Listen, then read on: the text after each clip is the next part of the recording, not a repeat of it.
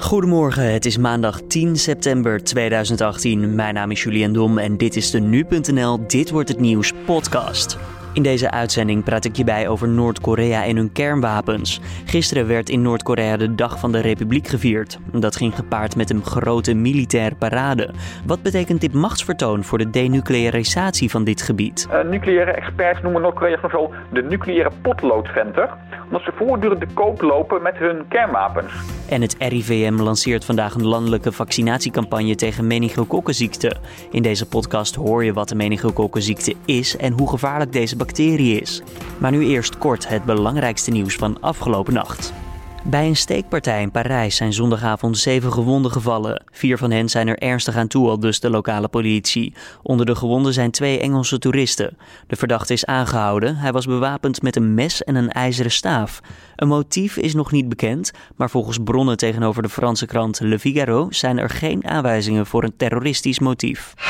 Novak Djokovic heeft voor de derde keer de US Open gewonnen. De Serviër rekende in de finale af met Juan Martín del Potro in drie sets. Zeven keer eerder stond Djokovic in de finale, maar hij won het toernooi tot zondag alleen in 2011 en 2015. In totaal heeft hij nu 14 Grand Slam titels op zijn naam staan. Topman Les Moonves van het Amerikaanse televisiestation CBS stapt op naar nieuwe beschuldigingen over seksueel misbruik. Zes vrouwen zeggen in de New Yorker dat ze door Moonves zijn gedwongen tot orale seks en dat ze fysiek zijn geïntimideerd. Eerder werd Moonves al door zes anderen beschuldigd van seksueel wangedrag. En volgens milieuorganisatie Urgenda is de CO2-uitstoot nog met 0,0 afgenomen sinds 1990.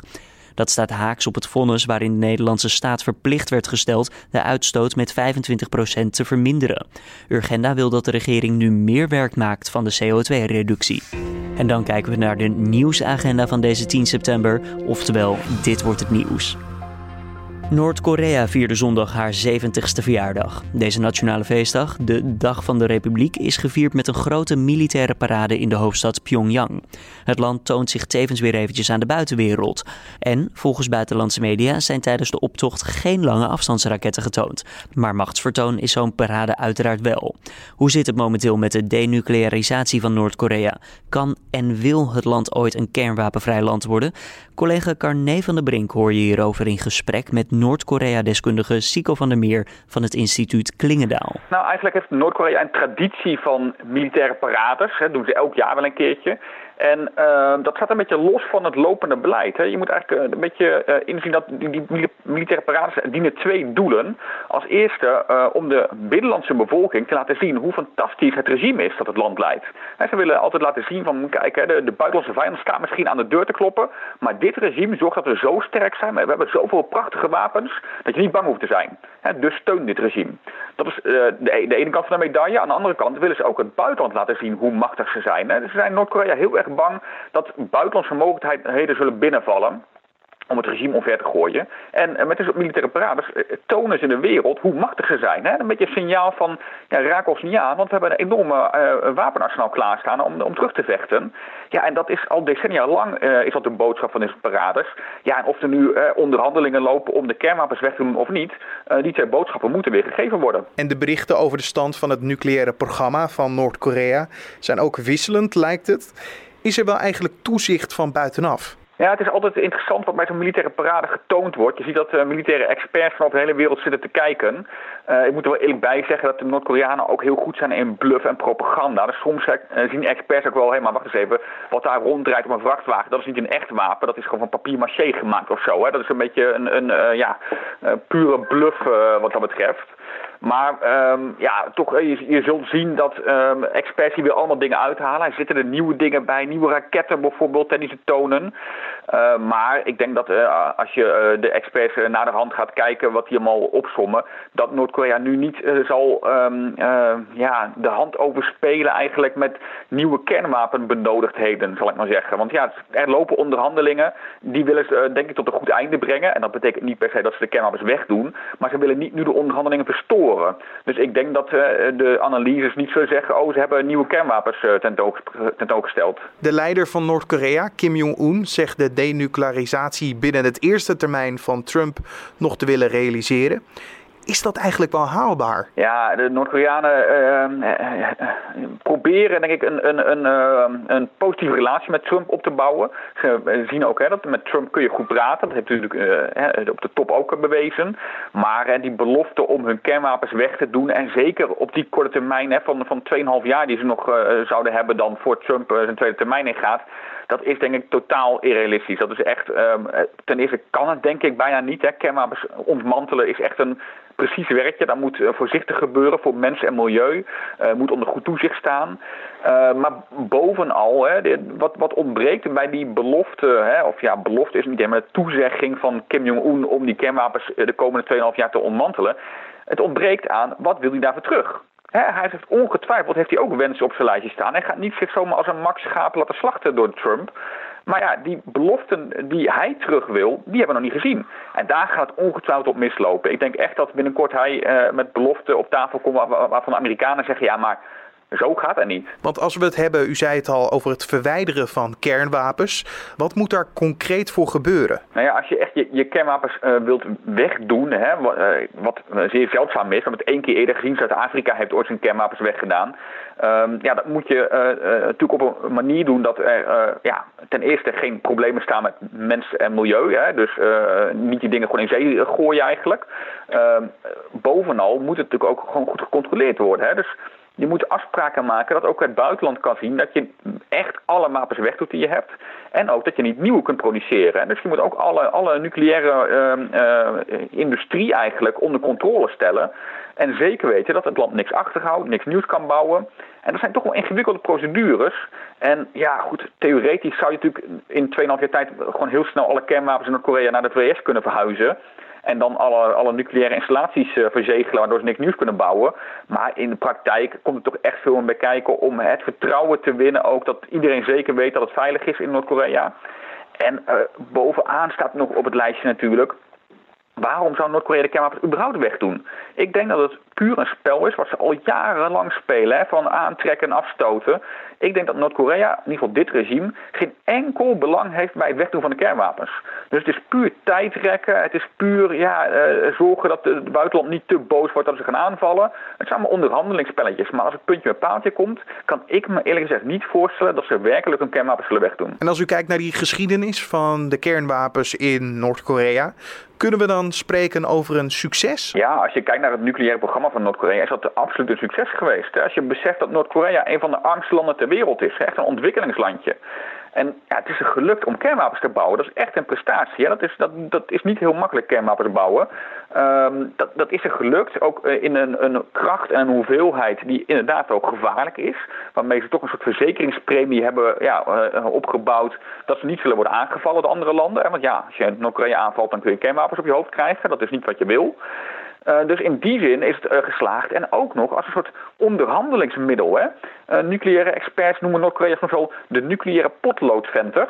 Omdat ze voortdurend de koop lopen met hun kernwapens. En dan vragen ze dan onderhandelingen voor. En zeggen ze, nou, we willen best onderhandelen over onze kernwapens. Maar hè, dan willen daarvoor betaald worden. We willen concessies en dergelijke. En al jarenlang zie je het daarvoor ook gebruiken. Het is een soort pressiemiddel naar het buitenland toe. En nou ja, goed, het feit dat wij ook nu weer hierover praten. Hè, dat wij het hebben over een van de armste landen ter wereld. Omdat ze die kernwapens hebben. Ja, ze hebben een bepaalde status verworven. En dat is toch knap gespeeld. Je hoorde Noord-Korea-deskundige Sico van der Meer van het instituut Klingendaal. Het RIVM lanceert vandaag een landelijke vaccinatiecampagne tegen meningokokkenziekte. Sinds enkele jaren neemt in Nederland het aantal gevallen van meningokokken W-ziekte toe. Daarom is de meningokokken C-vaccinatie per 1 mei 2018 vervangen door een vaccinatie die beschermt tegen de type A, C, W en I.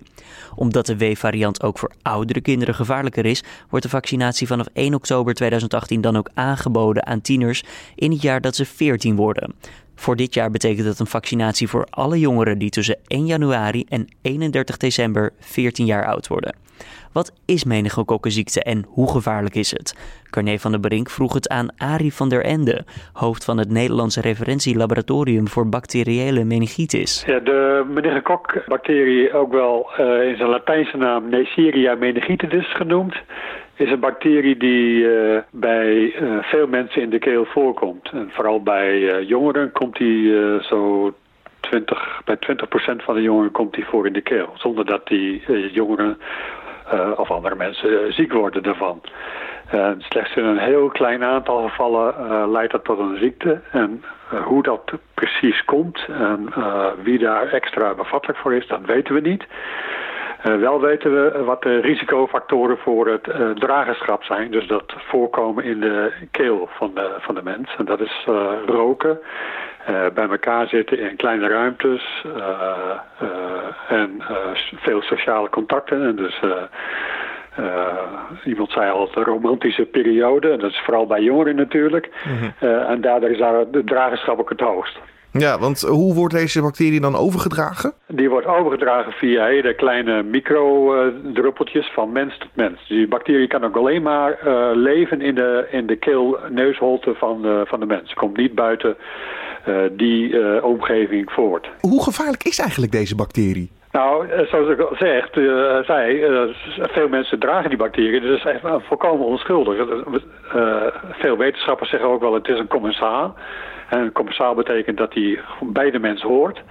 Uh, alleen helaas, uh, helaas leidt het soms tot een, tot een ziekte. En als het tot een ziekte uh, leidt, dan passeert hij eigenlijk de barrières in de keelneusholte, komt in de bloedbaan. Dan kan het leiden tot een heel ernstige ziekte en die kan heel snel verlopen. Binnen 24 uur kan een patiënt overlijden. En soms nog sneller. Vooral bij deze uh, serogroep W-bacterie, waar het nu eigenlijk om gaat, uh, kan het ziektebeloop heel erg snel verlopen. En ook omdat symptomen veelal atypisch zijn voor een meningokokkenziekte. Dus die, de klassieke symptomen die veelal gezien worden bij meningokokkenziekte, zien we soms, of ja, in, in, een, in een 10 tot, tot 15 tot 20 procent van de gevallen zien we die niet bij de serogroep W meningokok. Ja, de klassieke symptomen zijn dan kleine vlekjes op de huid, hoofdpijn, nekstijfheid. Dat is uh, klassiek. maar die worden vaak niet gezien bij de serogroep W. En daar zien we ook nog wel eens maag-darmklachten. En die worden dan niet direct aangezien voor een meningokokkenziekte. Ja, want er is ook heel veel verschil tussen de types van deze bacterie, toch? De, de type nummer. Dat, dat klopt. Nou, type nummer, eh, wij spreken dan over serogroepen.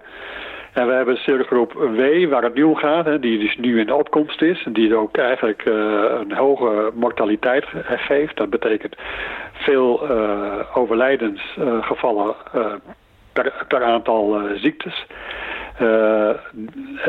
Die hebben we nu, maar we hebben ook serogroep B en serogroep C. En serogroep C, daar worden we al tegen gevaccineerd. En dat vaccin is nu uh, vervangen door een, een, wat uitgebreider vaccin tegen de serogroep A, C, I en W. Want hoe komt het dan dat we dit jaar, uh, zo zie ik het in de media, heel veel over deze bacterie horen? Heeft het te maken dat het echt op, opkomende is of heeft het een andere reden? Nee, dat klopt. Uh, voor 2015 uh, hadden we slechts gemiddeld vier gevallen van serogroep W meningokokkenziekte.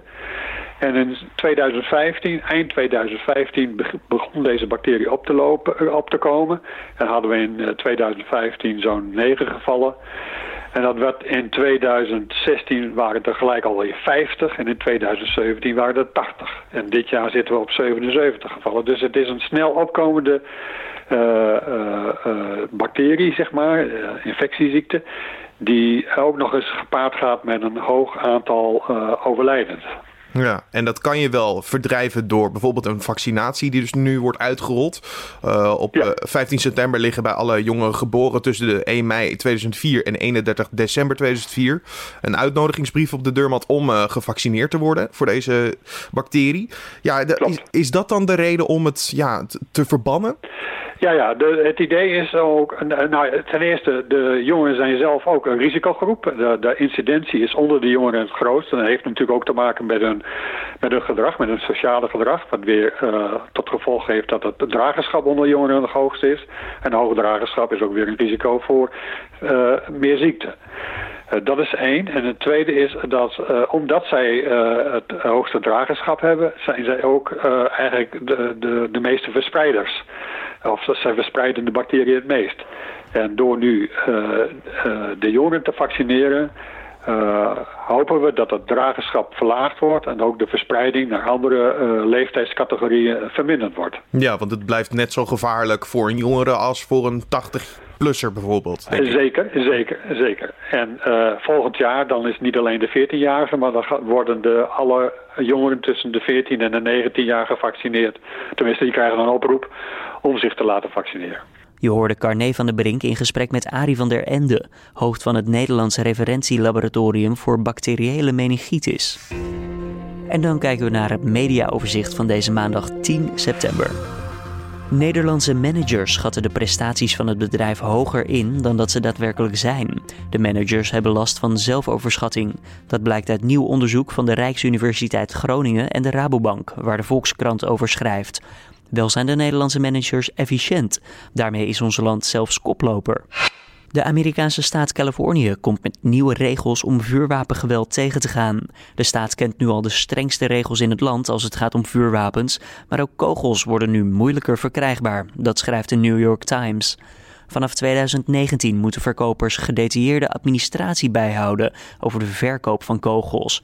Ook wordt er gesproken over mogelijke hogere belastingen op kogels. Een andere regel ging dit jaar al in. Zo mag ammunitie dat via het internet is gekocht niet meer direct naar een huisadres worden verzonden. Deze moet eerst bij een officiële wapenhandel worden opgehaald, zodat gecontroleerd kan worden of de besteller de kogels wel mag kopen. Verschillende pro-wapenorganisaties zoals de NRA zijn tegen deze belemmeringen en zeggen zich in te zullen zetten om de regelgeving tegen te werken. En dan kijken we naar het weer van deze maandag. De dag start met enige bewolking, maar die maakt al snel plaats voor wat zon. Het blijft vandaag droog bij een matige westelijke wind. De temperatuur ligt rond de 18 graden in het noordwesten en 23 graden in het zuidoosten. En voordat we bij het einde zijn van de podcast nog even dit. Kinderen moeten namelijk elke schooldag minimaal twee keer een half uur actief bewegen. Dat stellen de Nederlandse Sportraad, de Onderwijsraad en de Raad voor de Volksgezondheid en Samenleving. Volgens de drie adviesorganen moet de regel worden verplicht door minister Arie Slop van Onderwijs. Sommige scholen bieden al genoeg beweging aan, maar dat is niet voldoende.